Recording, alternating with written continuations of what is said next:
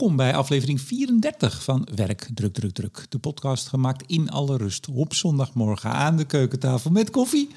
Maar vooral met stress- en burn-out coach Melissa Schouwman. Goedemorgen. Goedemorgen Melissa. Eh, wintertijd en het is, nou ja, het is bijna een godswonder. We zijn alle twee toch op het goede moment aan deze keukentafel. Het is beland. toch gelukt. Ja, ja, maar dit is wel de lekkere wintertijd, hè? Eh, de, eh, niet het uur eraf, maar het uur erbij. Uurtje extra. Ja, wel lekker, hoor. lekker. Ja. Nou, we zitten er goed bij. We hebben koffie. Het is, ja, het is al een beetje wintertijd, letterlijk ook. Het is Ja. koud, het regent, het is vies. Waar gaan we het over hebben? Over veerkracht. Over buigen zonder te breken.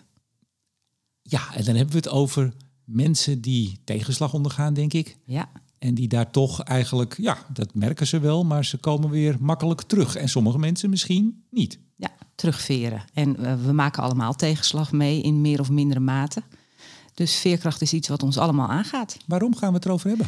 Nou, ik moet zeggen, ik weet niet hoe het met jou is, maar ik word zelf een beetje miserig van, van de hoeveelheid berichten over mentale gezondheid, over de jongeren waarmee het slecht gaat. Je weet dat dat jouw werk is, hè? Dat is mijn werk, ja. En eh, ik vind ook terecht dat er, dat er aandacht voor is. Eh, dat, is een, dat is een heel goed iets van deze tijd, hè, dat er veel aandacht voor is. Maar het is wel allemaal een beetje aandacht zo van oeh, wat erg allemaal. eh, en eh, alsof we er niks tegen kunnen doen. Beetje moedeloos is het. En daar, eh, ik dacht, ik, ik wil eens even een beetje wat tegenwicht gaan, gaan bieden. Ja, we kunnen er wel wat aan doen. We kunnen er wel wat aan doen Dit wordt een positieve aflevering. positieve aflevering over veerkracht. Wat wij ook allemaal hebben en waar we ook allemaal iets mee kunnen doen. Ik wil wel eh, ook wat speciale aandacht eh, voor de jongeren hebben. Want eh, daar, daar valt nog wel iets extra's over te vertellen. Ja, nou, dit wordt een positieve aflevering, althans van jou. Ja, Ik ga misschien wat tegenhangen, want ik, als jij er al mies van wordt, ja, ik word er helemaal gek van. ja. De, om, om iedere, ook om iedere jongere moet een soort stolpje heen staan. En die moeten we heel omzichtig behandelen. En dan moeten we, oh jeetje, oh god. ja. Ik word er wel eens maar. Jij gaat vertellen hoe het wel moet. ja Het reële, de, het reële verhaal. Ja. Daar zitten we hier voor. Ja, ja, ja. Voordat we dat gaan doen, Melissa. ehm, weet jij nog vroeger, dat was volgens mij Veronica's Countdown. Maar daarvoor al had je ook Veronica heel vroeger. Dan deden ze altijd even de concertagenda. Ah. Dan namen ze even door waar de, de DJ's, de roadshow, hoe heette het allemaal, eh, te zien waren. In Ja. jeugd, honken, hutsekluts. Ja, ja, nou, ja. dat gevoel heb ik een beetje nu bij het volgende item. Want eh, we gaan twee van jou, twee van jouw optredens. Nee, maar even, dat is wel hartstikke leuk. Jij wordt steeds meer gevraagd en geboekt om niet alleen eh, wat wij hier doen op zondag aan de keukentafel met koffie, ehm, om het verhaal te vertellen. ja, ja. lezingen, eh, Ja. workshops. Waar ga je naartoe? Ik ga aankomende donderdag naar Utrecht, naar de Universiteit van Utrecht. Ben ik door een eh, groep studenten die een seminar moeten, of een symposium noemen ze het, symposium moeten organiseren. Ben ik uitgenodigd om eh, een verhaal te vertellen over burn-outs. Een onderwerp waar zij zich als jonge mensen druk over maken. En terecht. Het zijn ook allemaal studenten die een managementrichting aan hun studie hebben toegevoegd. Dus ze willen er niet alleen voor zichzelf iets over weten, maar ook hoe zij daar als manager, als toekomstig manager mee om moeten gaan voor anderen.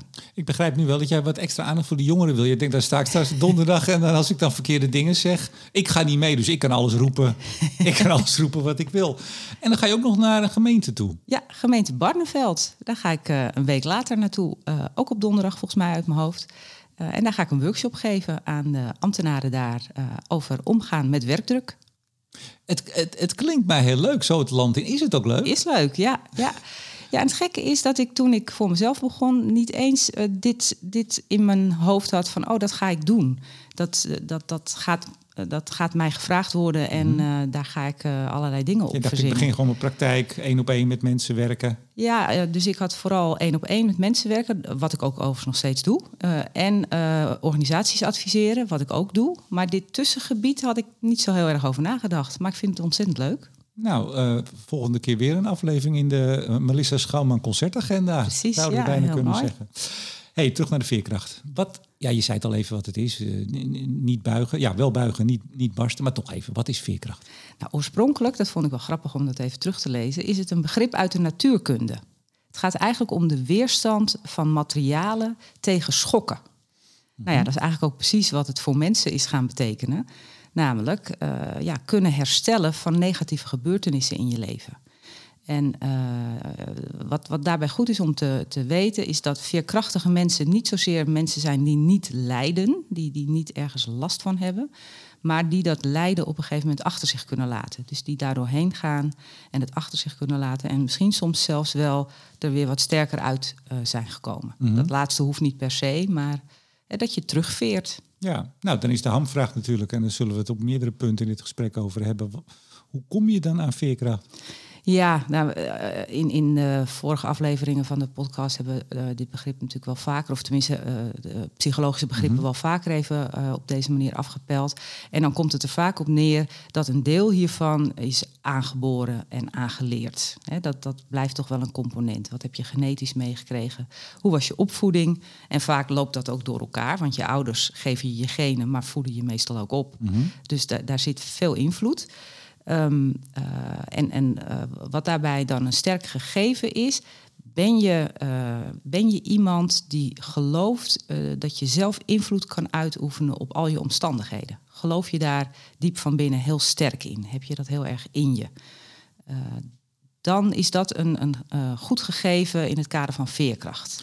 Maar dat vind ik heel dubbel, hè? want je ziet, nou, toch over jongeren, daar komen we zo uitgebreider over te praten, maar ik zie heel veel jongeren, en, en dat is ook een ja, ik heb ze niet zo heel direct in mijn eigen omgeving, moet ik er wel bij zeggen, maar toch een beetje wat je meekrijgt uit, nou ja, op tv en gesprekken.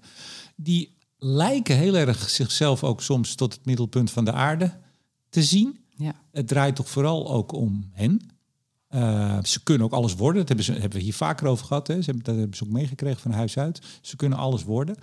Maar dan zou je ook verwachten dat als ze zo heel erg het bij zichzelf zoeken en zichzelf zo, ik zeg het even overdreven, belangrijk vinden, dat ze ook uh, dat, dat veerkrachtige hebben, dat ze dat ook aankunnen. Ja, ja en, en dan is misschien toch het verschil tussen, is dat een buitenkant ding of voelt iemand het echt van binnen? En dit, uh, dit, dit gevoel van ik kan overal invloed op uitoefenen, of uh, hè, uiteindelijk ben ik altijd degene die zelf iets kan veranderen, mm-hmm. dat is wel iets wat je heel erg dan van binnen moet voelen. Dus misschien is het wel vaak wat buitenkant, wat ja. we zien. Ja.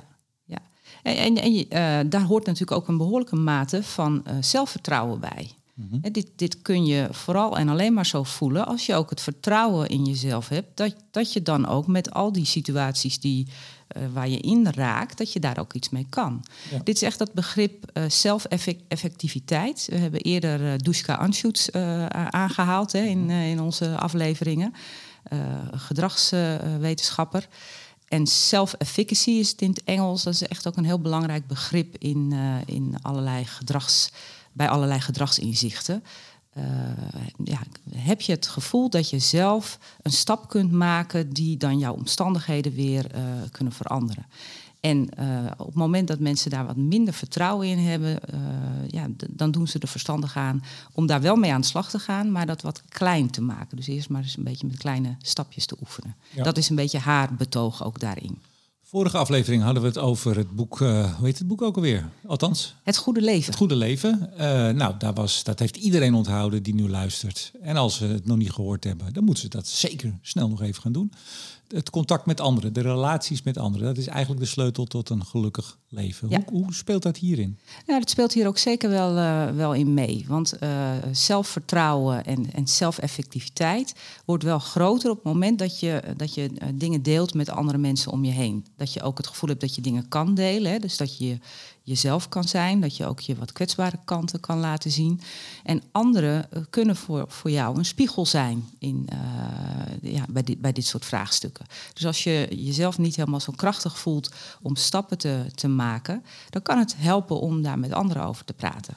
Maar nu zitten we eerlijk gezegd al wel een beetje in het uh, rijtje van wat kan je er zelf aan doen. Mm-hmm. Maar ik wilde nog even twee dingen zeggen over uh, ja, hoe dat nou precies zit met die, met die veerkracht. Ja. Want uh, het is dus genetisch en ook in je opvoeding komt het mee. maar ervaringen die je in je leven opdoet, die hebben ook invloed op uh, hoe, je, uh, hoe veerkrachtig je blijft ook. Mm-hmm. Want op het moment dat je veel negatieve ervaringen hebt, dus dat iemand echt uh, ja, flink wat traumatische gebeurtenissen meemaakt, dan kan er ook wel weer een wat minder veerkrachtig persoon uitkomen. en andersom, op het moment dat iemand meemaakt hey, ik, heb, ik heb het even moeilijk gehad op de lagere school. misschien iemand die gepest is of zo op school. maar die op de middelbare school een goede nieuwe start weet te maken en daar wel goed uitkomt. Die kan juist weer een soort push geven aan zijn eigen veerkracht. Mhm. Dus het is niet een, een, een ja, 100% vastgezet gegeven. En je kunt er dus het nodig aan doen. En een van die dingen die jij al noemde, de sociale kring, kan daar flink bij helpen. En wat nog meer? Nou, wat je, uh, wat je kunt doen is ook uh, goede rolmodellen in je omgeving uitkiezen. Veerkrachtige rolmodellen. Ja, ja. En, en dan een beetje mensen waarvan je weet, nou, die hebben de, de, die was het ook niet altijd zo gegeven om zo veerkrachtig te zijn, maar die hebben het zichzelf aangeleerd. Dat zijn de goede rolmodellen om um, mee in gesprek te gaan en te horen hoe heb je dat nou aangepakt? Wat heeft jou nou geholpen om, uh, ja, om die veerkracht van jou wat groter te krijgen? Mm -hmm. En gewoon kijken hoe, hoe doen die nou dingen? Dus dat, dat helpt. Um, maar ook uh, uh, ja, vaak aan anderen vragen hoe zij jou zien. Want soms heb je van jezelf een, een wat minder krachtig beeld en, en zie je allerlei dingen uh, die anderen als een, een krachtig iets van jou ervaren, hmm. zie je zelf niet zo. Dat, je vindt dat maar normaal. Dus het helpt wel om af en toe eens even aan anderen te vragen: uh, ja, hoe zie jij mij? En hoe denk jij dat ik dingen, dingen kan oplossen? Wat, wat, wat zie jij mij doen wat ik misschien zelf niet zie? Iedereen heeft blinde vlekken voor zichzelf. Ja. Dus dat helpt. En uh, ja, een hele simpele, maar wel een hele, uh, ja, hele, hele impactvolle. Kijk ook echt naar de dingen die je gewoon wel aan het doen bent. De, de, de dagelijkse activiteiten, de dingen die je gewoon ja, goed op gang brengt iedere dag. hele kleine, simpele dingen. Een maaltijd die je in elkaar hebt gesleuteld, die, die geweldig goed smaakt. Dat zijn toch allemaal acties en activiteiten. Ja, daar doe je iets in. Dus op het moment dat mensen een beetje daarvan weg zijn gedreven en, en eigenlijk alleen maar met een negatieve bril naar zichzelf zitten te kijken, helpt het om weer terug te gaan naar hé, maar ik doe wel dingen en die lukken ook nog. Maar, maar, maar, dit, is, dit is veerkracht? Dit is, helpt allemaal. Hoor, de licht ironisch. dit helpt allemaal om die veerkracht te vergroten. Om weer terug te gaan naar het beeld van: hé, hey, ik ben niet iemand die allemaal dingen niet kan en die alleen maar uh, ja, een beetje het slachtoffer is van, van wat vervelende gebeurtenissen om mij heen. Ik doe dingen en ik kan dingen. Maar veerkracht is dus het terugveren van even een dipje, zou ik maar zeggen. Toch? Ja, dat, ja. dat is het. Ja.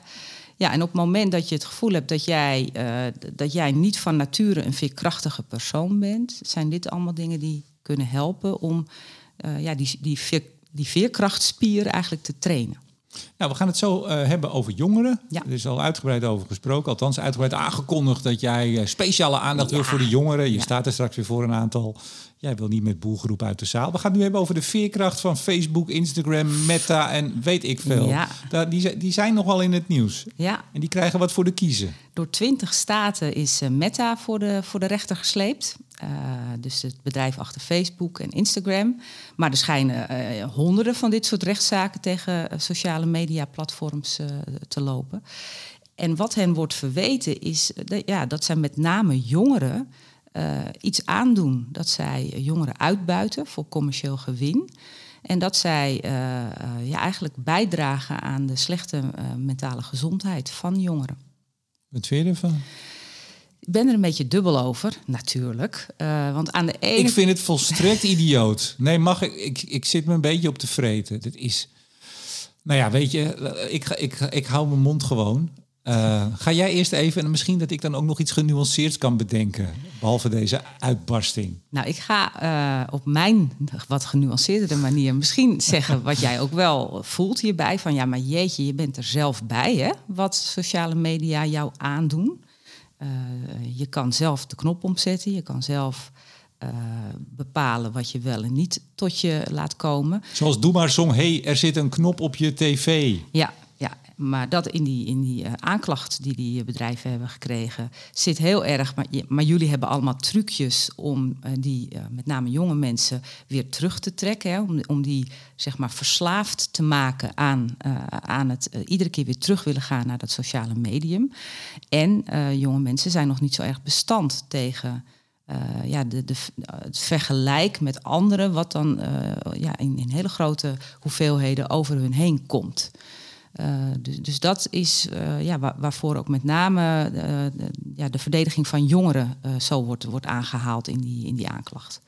Dus aan de ene kant heb ik ook wel het gevoel van je bent er zelf bij en ouders help je kinderen om daar ook bestand tegen te zijn. Ehm, maar het heeft ook wel iets te maken met het zelfvertrouwen wat jonge mensen misschien nog niet in, in zo'n grote mate hebben. En ouders worden natuurlijk ook wel een beetje onder druk gezet. Uh, als het gaat om het gebruik van sociale media, dat andere kinderen mogen dat dan wel gebruiken. En als jij je kind dan uh, bij wijze van spreken weghoudt bij al die, die media, dan moet je thuis ook weer een hoop gevechtjes uitvechten. Uh, vriendinnen van mij met kinderen, die hebben het daar ook wel eens over. Van ja, ik heb liever eigenlijk dat, dat mijn kind er niet zo mee bezig is. Maar ja, ik moet het toch een beetje mondjesmaat toelaten. En die begeleiden dat dan wel, maar ook daar zie je het nog wel eens uh, een beetje over het randje gaan.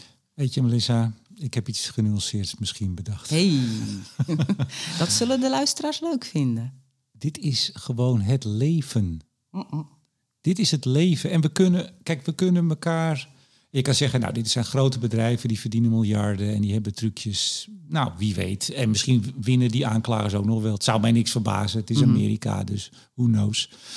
maar vervolgens kun je ook zeggen, nou, kleinere bedrijven met minder trucjes. Op een gegeven moment kun je dus je buurman gaan aanklagen die jou een slecht gevoel geeft. Ik bedoel, je kunt alles in het juridische trekken. Je kunt vervolgens, en dat zit er natuurlijk onder, mhm. alles wat jou wordt aangedaan. Want we kijken tegenwoordig alleen nog maar naar wat ons wordt aangedaan. We kijken niet naar de positieve kanten van alles. dat nemen we gewoon, zoals het heet, for granted. Dat pakken we gewoon mee, daar hebben we recht op. dat herken ik wel een beetje. Alleen de nadelen, die ook aan alles zitten nadelen, die accepteren we niet. Voordeel pakken we lekker mee, hup lekker. En de nadelen gaan we rechtszaak over beginnen. Nou ja, veel plezier, want zo kun je elkaar uh, voortdurend over alles aanklagen. En even over die vriendinnen van jou met die kinderen. Kijk, dit speelde natuurlijk toen wij jong waren ook met tv. Ja. Mocht je tv kijken? Ja, mensen, dat was toen nog. En hoe lang mocht je dan tv kijken? Nou, misschien speelt dat nu nog wel. Nou, nu is het hoe lang mogen ze gamen. gamen of hoe lang mogen ze op een kamer met een laptop, weet ik veel. Dat is toch van alle tijden. En het zal vroeger geweest zijn met de radio. Hoe, mag een kind alleen naar de radio luisteren? Het is van alle tijden. Ja, ja alleen de mate waarin het uh, op je afkomt is natuurlijk wel enorm opgeschroefd. En er zit geen uh, limiet meer aan vanzelf. Ik, ik, uh, wat ik wel vind is dat een rechtszaak hierover voeren volgens mij niet de weg is. De, de, de oplossingen moeten, moeten op een andere manier komen. En zitten eigenlijk veel meer in. Ja, hoe, hoe begeleid je een kind? hoe ga je, ga je hier als ouder mee om? Hoe, hoe ga je hier als onderwijs mee om? en hoe begeleid je een kind? Uh, ja, naar volwassenheid met, de, met zoveel zelfvertrouwen dat hij hiermee kan dealen. Want ja, we krijgen dit toch niet weg. Uh, al die impulsen. Ja, ik vind overigens wel dat, dat eh, dat is een ander, ander aspect, maar daar vind ik wel dat je big tech, zoals dat heet, de grote platforms, uh, in de gaten moet houden, moet reguleren. Ja, die worden wel op een gegeven moment heel erg machtig. Ja. En vooral als het gaat over uh, informatie die ze over je hebben. Jongeren en ook ouderen die veel te makkelijk hun, hun uh, privacygevoelige informatie weggeven. En die vervolgens in een soort web belanden. Uh, ja, waarbij zo'n bedrijf enorm veel macht heeft. Als je ziet die, die, wat zij verdienen, het zijn gewoon kleine landen hè, qua, qua budgetten en, en uh, inkomsten. Dus dat, dat, dat je dat niet helemaal kunt overlaten aan de markt zeg ik als uh, uh, marktdenker, uh, nee, dat vind ik wel. Dat, dat moet je wel een beetje in de klauw houden. Maar er is iets anders. En dat, dat wat zij doen, dat dat schadelijk is in het zelfbeeld van jongeren. Want daar hebben we het een beetje over. Hè? Ja, ja, ja. Hey, want uh, je had het over, het zijn bijna kleine landen, hè, die, uh, die techbedrijven. Ik, qua macht, ja. Ja, qua macht.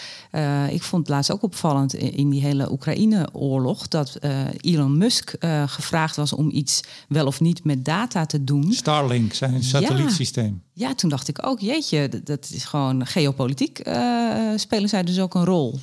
Ja, hij heeft gewoon uh, een paar duizend, hoeveel zijn het er van die kleine satellietjes gelanceerd, waarmee je dus internet kan aanbieden uh, als je een schotel hebt. En hij heeft nu gezegd dat hij het in uh, de Gazastrook wil openstellen. En daar blijken die schotels al te zijn, maar het systeem is daar nog niet aangezet. En dat kan hij doen. Dus daar speelt hij ook weer een rol. Maar, eh, dus we maken ze ook wel machtig. Nee, maar dat vind ik nogmaals, dus daar, daar kun je, eh, daar moet je het over hebben. Daar moet je ook naar kijken als, als overheid. Hoe reguleren we dat? Maar dat, ja, weet je, ja, het, het hek is van de dam. Als, je, als het gaat over het zelfbeeld van jongeren, hun zelfvertrouwen. En van ouderen. Want waarom zouden ouderen niet eh, ontzettend in de knel kunnen komen van de beelden die ze zien op social media? Ik ben dus met Twitter gestopt, hè? Ja. Ja. Stom. Ik had gewoon moeten blijven en een rechtszaak moeten beginnen. Want ik werd ontzettend mies, miezig en soms eh, licht eh, gedeprimeerd van al die. Hoe zeg ik dat nou netjes? Misschien luisteren ze wel. Mensen waarvan je denkt: Jezus, ga eens wat, ga eens wat doen. In plaats van alleen maar altijd kritiek te hebben op alles. Ja. Ja, een beetje de negativiteit, de bitterheid. Dus- Ja, die de ook, eh, bitterheid, die, die eh, ik bedoel, we hebben allemaal een negatieve bias. Hè. Het nieuws heeft een negatieve bias. Wat negatief is, is meestal interessanter en nieuwswaardiger dan positief. Nou, ik was er op een gegeven moment een beetje klaar mee. Nou, Ja. ik Ja. ben er vanaf. Maar ik wil in het kader van veerkracht toch nog even een lans breken voor jonge mensen. Ja, dat, eh, daar gaan we mee, mee, mee eindigen zo'n beetje. Ja, want eh, hè, dat hoor ik ook een klein beetje bij jou terug. En soms heb ik zelf dat gevoel ook wel. Je zou kunnen zeggen, kom op, eh, jonge mensen, wees ook eens wat veerkrachtiger. Eh, zie het eerder genoemde lijstje van deze podcast. Ga daar eens mee aan de slag. Werk aan je zelfvertrouwen en aan je zelfeffectiviteit. En dan komt het allemaal wel goed. Beste luisteraars, ze zegt nu dat zou je kunnen denken. Dat- maar dat, ja. dat is dus niet de bedoeling. Nee, want waar we dan een beetje aan voorbij gaan en wat ik, eh, wat ik zelf ook wel eens, eh, waar ik mezelf ook wel eens op betrap, is dat jonge mensen tot ongeveer 25 jaar eh, gaat die ontwikkeling van jong naar volwassen. Dus ook best wel een wat hogere leeftijd dan ik zelf vaak in mijn hoofd heb. Hè. Ik denk dat bij 18 alles al helemaal eh, gesetteld is. Maar 25 jaar en, en dan is iemand eigenlijk pas echt helemaal uitgehard, ben ik het maar gaan noemen. En dan is de ontwikkeling naar volwassenheid echt helemaal voltrokken. En in die ontwikkeling naar volwassenheid moeten er nog best wel veel dingen een plek krijgen. Eh, is, is, is het nog wat vloeibaar eh, bij een jong mens? Gaat nog een beetje alle kanten op? Is nog erg impulsief? Laat zich toch erg eh, beïnvloeden door impulsen van buitenaf ook. Dus ja, dat is wel iets om rekening mee te houden. En een ander ding is dat vanaf de jaren 60 eh, van de vorige eeuw. eh, is de maatschappij ook echt eh, vloeibaarder geworden voor ons allemaal. Eigenlijk is alles vloeibaar. Alles is vloeibaar. Ja, ja, ja. Ehm, eh, we hadden voor de jaren 60 hadden we allerlei insti- in- instituties. Hadden we, Zuilen. De, de zuilen, we hadden het geloof. Eh, er was veel meer levensbeschouwing. Families hadden veel sterkere invloed op, op, op mensen. Veel meer, er zat toch veel Je meer bedoelt die lekkere verstikkende jaren 50 sfeer, waarbij niks kon. Ja, ja, er zullen ook mensen eh, groot zijn geworden in die tijd die daar juist heel veel last van hebben gehad. Eh, maar het is allemaal losgegaan. Het is allemaal We zijn losgeslagen. losgeslagen. met alle voordelen van dien. Maar nu zitten we wel heel erg aan de andere kant naar een individualistische maatschappij, een meritocratie. Dus eh, eh, ook het, het individueel eh, boeken van succes, dat is eigenlijk waar je je mee eh, kunt laten zien. Dat is heel belangrijk geworden. En voor jonge mensen is dat een heel moeilijk gegeven. Want die, die zijn daar nog niet. Die, die hebben die hardheid nog niet. Die zijn zeer gevoelig voor ja, dat, dat, dat, dat vergelijk met anderen. Het concurrentiegevoel wat je dan al snel krijgt. Van die ander is knapper en beter. En die, die heeft veel meer succes dan ik. D- dus dat is best eh, eh, moeilijk om dan houvast te hebben. Wij geven of onze maatschappij biedt eigenlijk weinig houvast aan ons allemaal. En voor jonge mensen is dat extra lastig. En dan heb je nog die technologische ontwikkelingen die net al een beetje langskwamen. Die dat ook nog eens een keer, het is ook nog een soort extra versterking van dat alles. Een extra klankkast die laat zien, kijk eens hoe succesvol, kijk eens hoe mooi. En als je dit doet, dan, dan eh, kan je nog succesvoller worden. Eh, en dat, dat speelt eh, natuurlijk wel in op het gemoed van Ja. veel jongeren. Maar je hoeft de Linda toch niet te kopen? Je, je, je hoeft toch niet naar social media? Ja, weet je, ik probeer toch een beetje de andere kant te vinden. Ik bedoel, de maatschappij. Ik, ben het helemaal met je eens. We zijn ontzuild. We, we hebben die verbanden niet meer. De kerk, en nou, noem maar op. De, de, de sociale cohesie is een stuk minder. Moeten we misschien ook nog wel onderscheid maken tussen waar wij zitten hier in het westen, in, in Amsterdam, Ja, de Randstad, eh, hoogopgeleide jongeren, of in ieder geval jongeren die gaan studeren of doorleren. Ik denk dat het al heel anders is als jij een meer praktijkgerichte opleiding hebt gedaan en op je 21ste gaat werken. ja. ja het speelt wel, dit, dit, eh, deze problematiek speelt wel het meest bij eh, hoogopgeleide jongeren. Maar dat is toch wel zo'n 35 procent van, eh, van alle jongeren die, Ja. eh, die daaraan voldoet. Ehm, ja, Nou, ik wou zeggen, kijk, dat uitharden. ehm, ik ga niet terug naar de kinderarbeid, maar toch even. nee, maar weet je, ehm, in, in de tijd van mijn ouders en misschien ook jouw ouders, eh, gingen ze soms werken met, met 16, hè, 15. Nou ja, we hebben het. Ik heb een keer een, een dat was in Gent geloof ik, in een, weet, een ehm, eh, industrie, industriemuseum. Ik zeg het niet goed.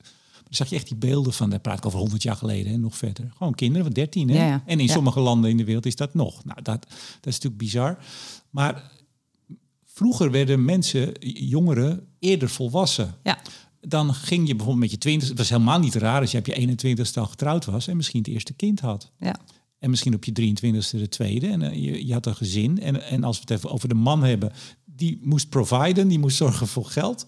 En die vrouw moest zorgen dat het gezin draaide. Dus je had veel eerder meer verantwoordelijkheid, denk ik. ja, En op het moment dat je, zoals wij hier met, eh, en dan heb ik hier heb ik het over het Westen, heb ik over hoogopgeleide jongeren, die kunnen ook heel lang zonder verantwoordelijkheid, maar door ja. klooien. Ja. In het goede en in het slechte. Ja. Dus als je ook geen verantwoordelijkheid hebt voor een gezin. En dat, dat is ook misschien allemaal niet fijn. Er zitten sommige mensen op hun dertigste dat ze denken, nou is dit het nou?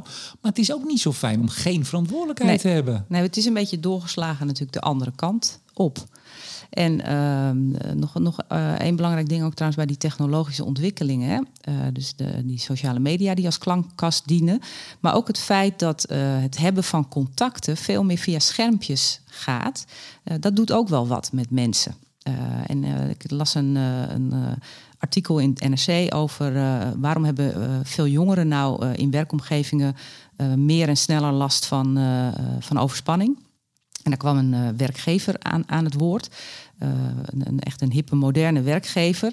Eh, en, maar die was toch heel kritisch ook op de neiging van pas afgestudeerde jongeren. Die eh, ook in hun, in hun nieuwe werkkring, in hun eigenlijk eerste werkkring, er al voor kiezen om heel veel thuis te werken. Want zij zei, dat is echt zo slecht. Je, je- als je je moet vormen in je werk, dan heb je contacten met je collega's nodig. Dan heb je ook de, de, ja, eigenlijk de wijze lessen van je collega's nodig. Of de, de interactie en de gesprekken. Ja, Melissa, ervoor kiezen. Die jongeren kiezen ervoor. Ja. Je kan ook zeggen, kies daar niet voor. Ja, ja. Dus waarom moeten wij dan... Nou, je komt straks nog met wat tips wat wij moeten doen om die jongeren... Nou, ook wat Jongeren- jongeren zelf natuurlijk moeten doen. Ja, maar ik bedoel, ze kiezen ervoor. Dat is precies goed wat je zegt. Ja, Kies er niet voor. Ik, ik snap het wel. Kijk, ik, heb, eh, ik, ik zit nog wel eens eh, met wat contact met jongeren, laat ik het eh, zo zeggen. En dan krijg ik op een gegeven moment achter elkaar allemaal appjes. En niet van even een mededeling van ik kom wat later of zullen we morgen dan afspreken. Maar gewoon eigenlijk wat Een heel gesprek verhaal. En dan bel ik meteen. ja. Dan zeg ik, ja, hier heb ik geen zin in. Zeg nou even. Ja. En dan, kunnen we het, dan zijn we in, in een minuut zijn we klaar. En anders zit je maar met z'n allen op de telefoon. Dus ook dat, dat scherm ertussen, die afstand tot andere mensen. Ja. Nou ja, ik zeg altijd, als jij er zin in hebt, joh, doe je ding. Maar ik doe er niet aan mee. ja, ja. Dus we zijn eh, doorgeschoten. Daar, eh, eh, jongeren schieten met ons mee door, zeg maar. Die, die hebben dat voorbeeld van ons gevolgd en, en, en zitten daar ook in. Eh, en, en ja, hoe, hoe hier weer van, van terug te komen. Geef ons de laatste positieve woorden. Precies, precies. Ja, het is ook wel een beetje misschien jaren 50 wat ik ga zeggen. Maar er moet weer meer aandacht komen voor zelfdiscipline en voor samenwerking en voor het omgaan met tegenslag. Eh, en en dat, dat, zit in, dat moet in de opvoeding toch weer veel meer terug. eh, en ook in, in het onderwijs. dat dat soort dingen bij het leven horen.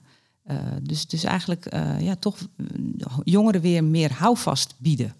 Meer houvast geven. En, en zorgen dat ze ook een wat reëler beeld hebben. En ze dus ook bewust maken van het feit dat ze keuzes hebben. Ja, ja. En als ze dan op het punt staan uh, om, om, te gaan werken. Nou, ik heb zelf uh, uh, als jongeling. ik was volgens mij ook 15 toen ik aan het werk ging. Alleen was het mijn zaterdagbaantje. ja, al op jonge leeftijd iets van verantwoordelijkheid hebben in werk. dat vormt je wel, dat helpt ja. wel. dat heeft mij in ieder geval altijd wel iets opgeleverd. Ik had de krantenwijk.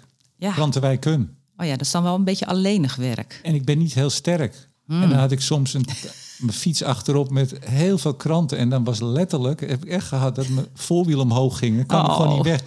Een soort stijgerende fiets. En dan lag hij om met al die zware kranten. En dan stond ik te slepen. Oh, ik heb daar een verantwoordelijkheidsgevoel van gekregen. Ja, ik wil net zeggen, wat heb je daar dan van geleerd? Hey, en uh, ja, als jongeren dan in een werkomgeving uh, stappen, ja, dan, dan moeten ze zelf zorgen dat ze ook de samenwerking echt aangaan. Maar ook werkgevers kunnen daar natuurlijk extra stimulances in aanbrengen.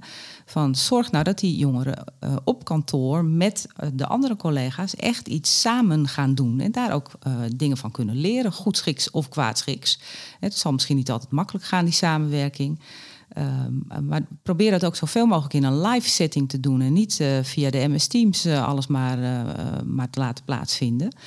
Uh, zorg dat er ook verbindingen komen tussen junioren en senioren in werkomgevingen. Uh, en en uh, wat je nu soms ziet, is dat die twee partijen steeds verder uit elkaar raken. Want die senioren die worden niet goed van die beide handen jongeren die inderdaad zichzelf soms presenteren als het middelpunt van de aarde. en wij kunnen alles wel, terwijl dat helemaal niet zo is. En uh, de jongeren die zoiets hebben van ja, die verzuurde oude, oude meuk, daar, uh, ja, wat heb ik daar nou van te leren? Dus het, het, raakt alleen maar verder uit elkaar, terwijl het elkaar juist ontzettend kan helpen. Mm -hmm. um, ja, en, en dus vaker ook in gesprek over dat het leven niet alleen maar één groot feest is. Ja.